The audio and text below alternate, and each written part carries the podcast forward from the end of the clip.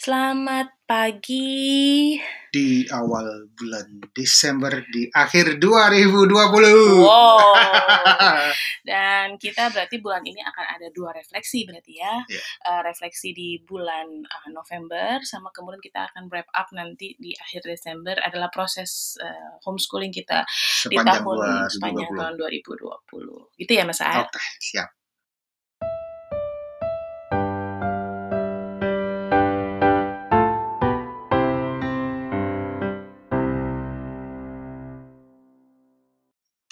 Ya, hari berjalan lambat apa cepat nih?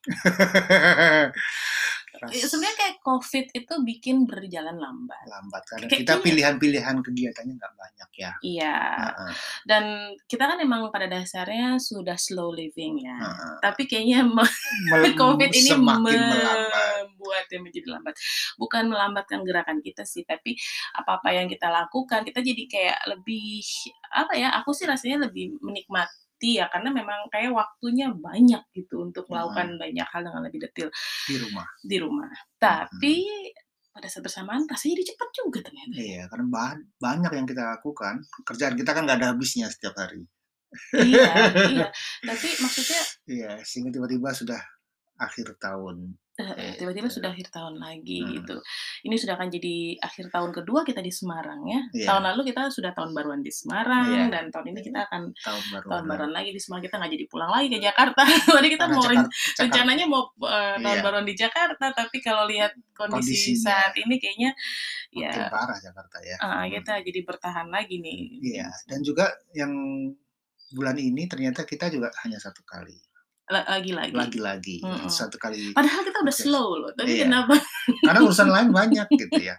Dan ini kan sebetulnya kalau buat aku refleksinya adalah ya sudahlah maju aja, tapi Mm-mm. memang ada hal-hal yang harus dipaksa, Heeh. yang penting dan buat eh, aku, buat kita eh, refleksi ini penting. Iya, gitu iya. Dalam proses Jadi harus homeschooling, disempatkan, dalam proses harus dipaksa. homeschooling, Kak, aku merasa yang bikin kita grounded, yang bikin kita tetap apa ya, eh, kayak kita rasanya konten merasa on track gitu ya dalam Hmm. proses homeschooling kita sekian hampir 20 tahun ini aku rasa ya karena kita eh, memaksa untuk terus ngobrol tentang proses gitu Iya. itu atau bahasa lainnya refleksi ya gitu ya Hmm, itu kita punya budaya itu yang Iya. menurutku waktu awal mungkin kita nggak sadar bahwa ini akhirnya jadi pondasi yang luar biasa tapi setiap Mm-mm. sekian 10 tahun dan Mm-mm. kemudian kita ketemu dengan banyak praktisi homeschool yang mengalami kegalauan pasang surut dan eh, kemudian refleksi aku loh kenapa kita tidak terlalu mengalami ini mungkin karena refleksi ini Iya. kita jadi dan kayak kita memaksa misalkan Memaksa, misalkan si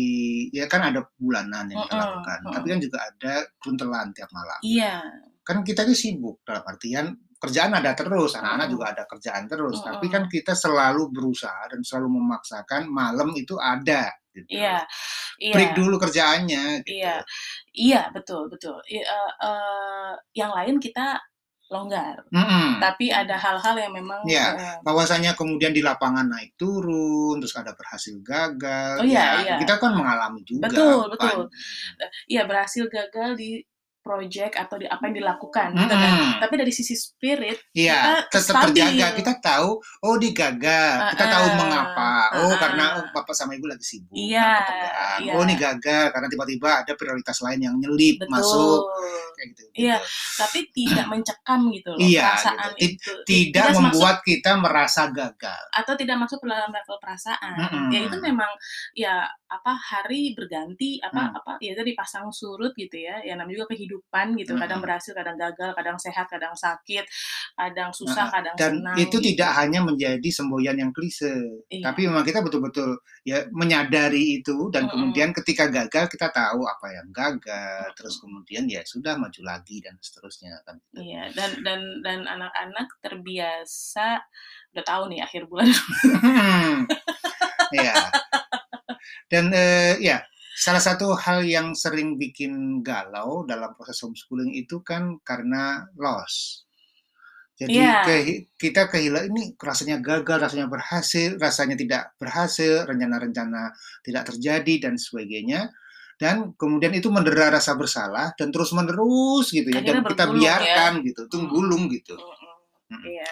Nah, itu yang kemudian perlu dipangkas gitu ya. Jadi kalau, eee, kita mangkasnya adalah harus dipaksa refleksi. Artinya Harus ke ngaca. kega kegagalan itu dipetakan, Iya. dilihat dengan sadar dan kemudian ternyata ketika direfleksikan, oh nggak nggak gagal-gagal amat kok. Oh Iya. ternyata ada banyak lagi yang lain-lain yang Berhasil. berhasil. Mhm. Ada kemajuan anak, pertumbuhan dan sebagainya.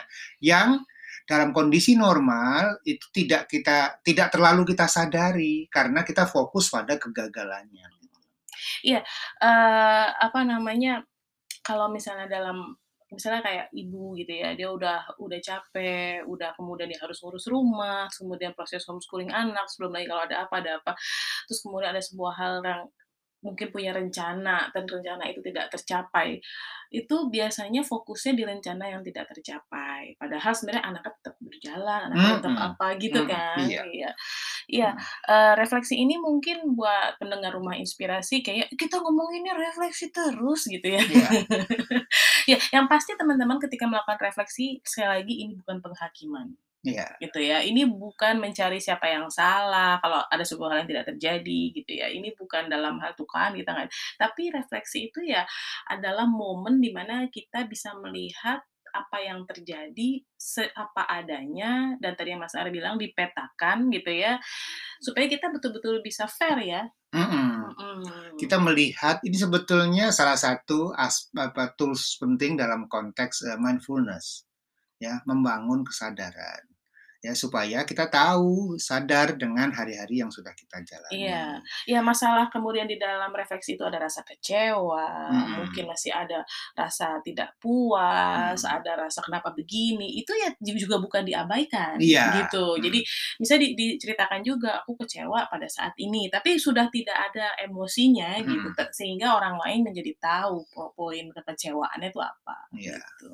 Mhm. Ini penting gitu ya. Jadi Mhm. kalau teman-teman bisa melakukannya dan jangan hanya berhenti pada pengetahuan dan wawasan. Oh iya, bukan oh Harus ya ini dipraktekkan. betul, Ya, karena ini ketika kemudian dipraktekkan, oh ternyata aku nggak bisa ya, ternyata aku nggak lancar ya. Ya, ini kan berarti memang butuh latihan, butuh jam terbang.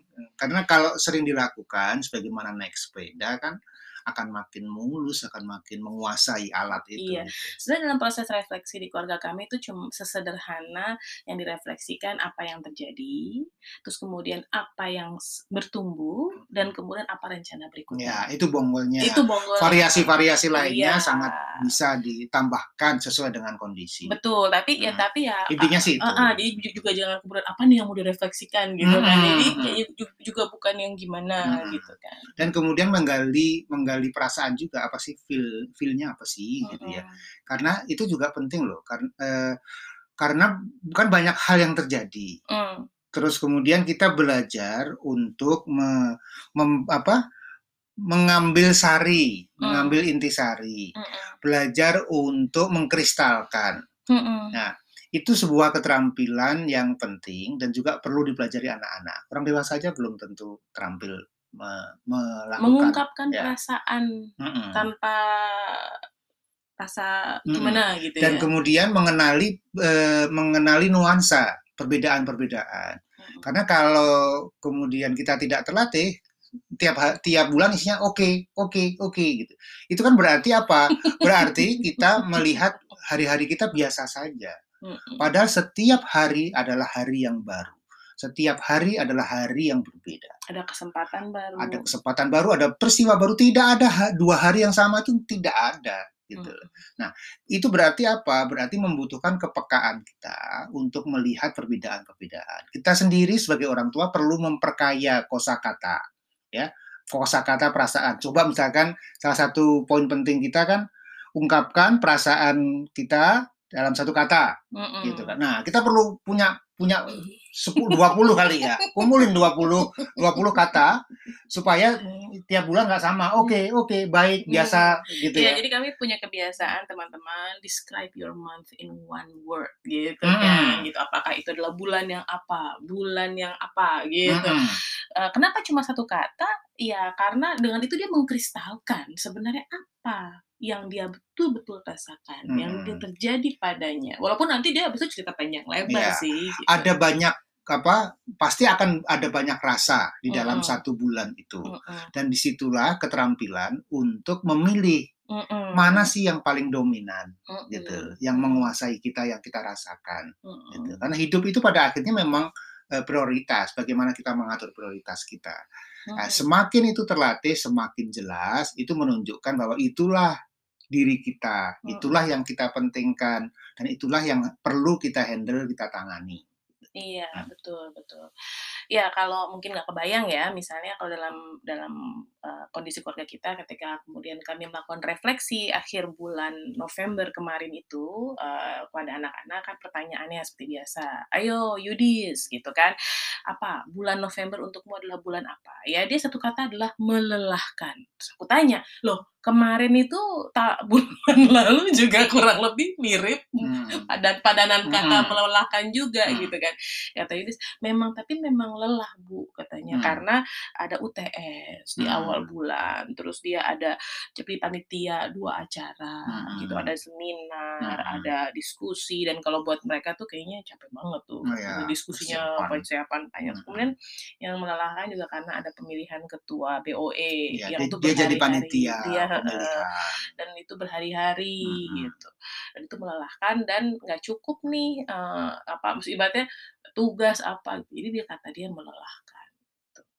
Ya itu kan eee, ya dia sendiri tahu bahwa, apa namanya, eee, ya ya dia harus berkembang, tapi ya ini dia lagi dalam kereta yang Mhm. memang semuanya di apa namanya, ya ada kan namanya ada kuliah kan, Iya, harus dijalani harus kan, dijalani. heeh, Jadi dia bagian dari latihan, kekuatan, kekuatan, stamina kerja, kayak koordinasi dan sebagainya yang yang bagian dari proses Mhm. gitu ya. Jadi maksudku, eee, mungkin teman-teman merasa bahwa harinya melelahkan, ya nggak apa-apa gitu loh, kalau Mhm. memang itu yang dirasakan ya tidak Iya. apa-apa gitu sebagaimana Yudis. Nah kalau Tata, satu katanya dia adalah penyesuaian. Mhm. Karena kan di bulan Oktober dia launching kreasita.com dan kemudian, eee, dia berbahagia itu dapat traction yang cukup bagus gitu kan, dan hampir semua materinya sebenarnya sudah selesai, ya Mhm. tinggal dia bikin tambahan. Nah tapi Mhm. di bulan November itu dia menye menyesuaikan harinya jadi berubah gitu.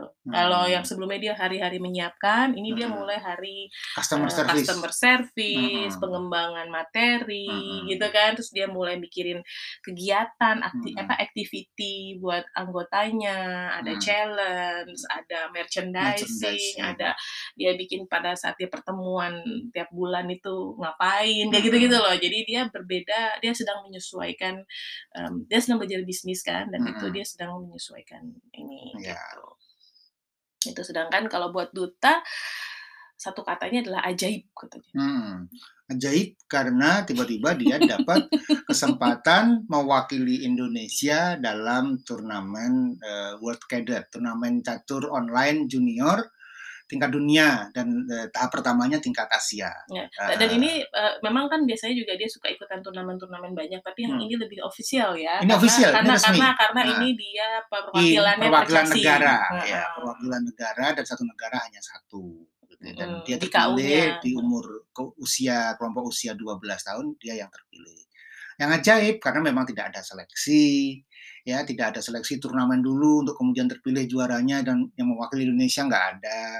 Terus tiba-tiba di hari terakhir pendaftaran itu baru muncul informasi itu, terus kemudian entah bagaimana seleksinya, kriterianya apa dan sebagainya, data duta memang masuk dan Terus dia yang didapat. duta yang terpilih. jadi ya apa, memang kalau dari sisi duta, eee, pandemi itu jadi blessing in disguise. Walaupun dia sedih karena dia nggak bisa basket ya, masih belum bisa latihan basket, tapi dia selama ini kan ada 2 kan, basket dan catur. Mhm. Dan caturnya itu selama ini online, dan dia termasuk anak yang ibaratnya kurang maksudnya karena catur kan offline biasanya kan, turnamen-turnamen kan. Nah sekarang ini begitu online ya dia kayak di kandang dia gitu karena di di dunia dia gitu. Jadi dia lebih lebih lebih banyak dapat, mmm, keleluasaan karena Mhm. memang itunya online gitu. Ya tapi itulah tadi ya, Mhm. eee, yang terjadi sama anak-anak. Nah sedangkan, eee, apa Suatu hal yang bertumbuh gitu ya, yang menjadi lebih baik gitu ya di di di bulan Oktober itu kalau kalau Yudis, eee, dia eee, yang bertumbuh itu dia pengetahuan terhadap microfinance katanya, Ya, yang dia paling karena kuliah, terus mhm. kemudian materi kuliahnya itu yang dia dapat di bulan November Yang ini dia adalah merasa merasa dapat heeh itu adalah tentang microfinance. Selama ini yang dia merasa, "Aku selama ini nggak tidak melihat, eee, significance-nya, eee, microfinance," ternyata, wah dia itu penting dan kemudian Dan dia penggerak heeh, ekonomi penggerak bangsa, ekonomi, heeh. mhm. Itu itu, de ketika Yudis cerita itu aku mulai ketawa gitu ya, oh iya, kita jarang nih, eee, apa namanya, hal yang makin baik tuh berhubungan sama konten. Biasanya kan yang hal makin baik tuh, eee, berhubungan sama skill, Skill sama kan, budaya, sama budaya mhm. gitu ya, biasanya makin apa, makin apa makin apa, tapi lebih kepada skill-nya. Ini kayaknya baru-baru setelah Yudis kuliah ini yang kemudian Jadi tahu ilmu ini, jadi Ya kayak ya ya ya ya yang mem yang membaik tuh dari sisi konten gitu Hmm. loh, pengetahuan tentang A gitu kan, tentang tentang B gitu. Jadi, oh oke gitu, kayak kayak Duta kan catur tapi tetap skill catur gitu Mhm, kan, bukan pengetahuan terhadap eee Tentang dunia catur. heeh, gitu. Sementara kalau Tata yang berkembang ya dia kayaknya lebih cepet ya bikin. Dia dia Mhm, bilang dia, "Aku aku me menikmati proses ini dan aku berkembang Iya. bikin produk tuh lebih cepet." Mulai dapet Mhm. itunya, oh logikanya, Mhm feel-nya dan mhm sebagainya, lebih cepet ketika Dan dia yang paling dia syukuri adalah dia berani untuk ke percetakan, mapan, dia Iya. nggak tahu dia kan termasuk yang sebenarnya dia apa Iya, maju mundur ya, heeh. Mhm, gitu. Dan dari zaman cetakan cerita-cerita zaman dulu Hmm. itu kan dia masih minta ditemenin, kadang-kadang kalau nggak sen kalau sendiri pun dia bisa bolak-balik ber beberapa kali karena dia nggak berani bertanya gitu berani kan, nggak berani ngomong, cuma dateng, kasih gitu. Mhm. Nah ini dia merasa berbahagia karena dia Mhm. nyaman Mhm, dia berani, dia bisa berani, ngomong. dia bisa milih, dan dia suka Mhm, hasilnya yang iya. kemarin itu. Dan dia kayak seperti berhasil gitu loh, "Oh aku berhasil," jadi gitu. ini aspek kema ke apa, rasa percaya diri ya yang Mhm, yang naik gitu mhm, ya dan kemampuan deliver apa, menyampaikan apa yang dia inginkan itu Kepada kepada orang orang lain, lain gitu, mhm, yang kemudian, mhm. eee, kayaknya berkembang di Tata Mhm. gitu. Jadi ini ini kan menarik dalam artian Tata kan udah 16 tahun, bahwa pertumbuhan itu terjadi di berbagai usia gitu ya, Iya iya. bahkan di usia dia sudah percaya diri sudah gitu ya, tapi ada aspek-aspek lain yang lebih detail yang kemudian Iya iya iya. berkembang gitu. Iya betul, jadi, eee, terus berkembang kok, kita Mhm. aja yang sudah tua itu kan Iya. berkembang terus gitu. Iya. Jadi, eee, nah ini, refleksi ini memberikan ruang buat kita untuk bisa menikmati perkembangan itu kalau menurutku, jadi gitu. memang salah satu poin penting adalah, eee, ketika kita menjalani keseharian, itu Mhm. adalah bagaimana supaya kita terus bertumbuh, itu Mhm, penting. Jadi kalau kita merasa, "Oh nggak ada yang bertumbuh," berarti ada yang salah dalam proses kita. Karena hidup itu bertumbuh. Karena hidup itu bertumbuh, Iya, yang yang gitu. seseorang itu hidup itu kalau dia masih terus bertumbuh, Iya, mhm. bertumbuh itu berarti apa? Skill yang meningkat, pengalaman jam terbang, Mhm. terus kemudian hal baru, itu Mhm. yang kemudian perlu terus kita hadirkan.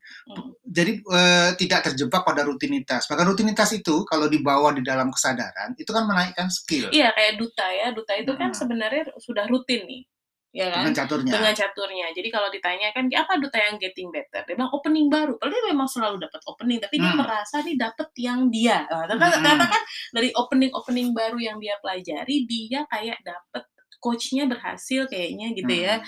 memperkenalkan dia pada, O eee line baru, opening baru yang Heeh, yang yang sesuai dengan dia, Iya, dengan dia. gitu. Atau kalau misalkan dalam konteks orang tua yang umum ya, gitu ya, memasak, setiap hari kan memasak pekerjaannya, Mhm. tetapi bagaimana menghadirkan kebaruan di dalam memasak, Mhm ya mhm. itu yang perlu ditumbuhkan oleh orang tua supaya orang tua merasa terus bertumbuh. Mhm. Ada menu baru, teknik baru, jenis Mhm. makanan baru, Mhm. hal yang kemudian membuat proses, eee, memasak itu menjadi sebuah excitement Mhm. gitu. Ya dan itu dikomunikasikan sehingga juga anak-anak tahu misalnya Mmm. kayak, "Aku sekarang suka menumis pakai air," gitu itu kan kerasa nggak? Kerasa nggak? Enggak sih sama aja ternyata. Maksudnya berarti ini berarti bisa kan? Nggak harus pakai Hmm. minyak kan? Gitu. Tapi ini kan sebuah hal yang kalau buat aku menyenangkan karena oh ya bisa kan? Nggak apa-apa Hmm. kan? Gitu. Misalnya bikin terong balado tapi terongnya dipanggang dulu aja nggak usah digoreng gitu. Memang ada rasa minyak-minyak yang hilang Iya. tapi aman kan? Gitu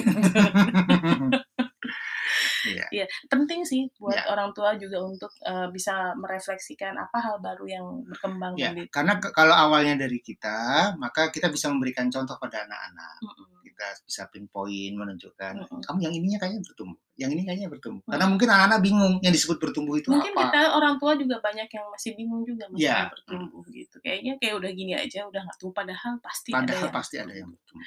makanya di eh, apa namanya eh, buku jurnal homeschooling yang nanti di pertengahan bulan akan aku berikan ke teman-teman itu itu eh, banyak prompt yang prompt itu apa Ka- kalim eh, pertanyaan pemantik ya. Hmm, pertanyaan, Pemantik. pem- pertanyaan pemantik yang yang mudah-mudahan bisa membantu proses eh, ya itu tadi apa yang bertumbuh itu tadi Mm. gitu gitu Ya.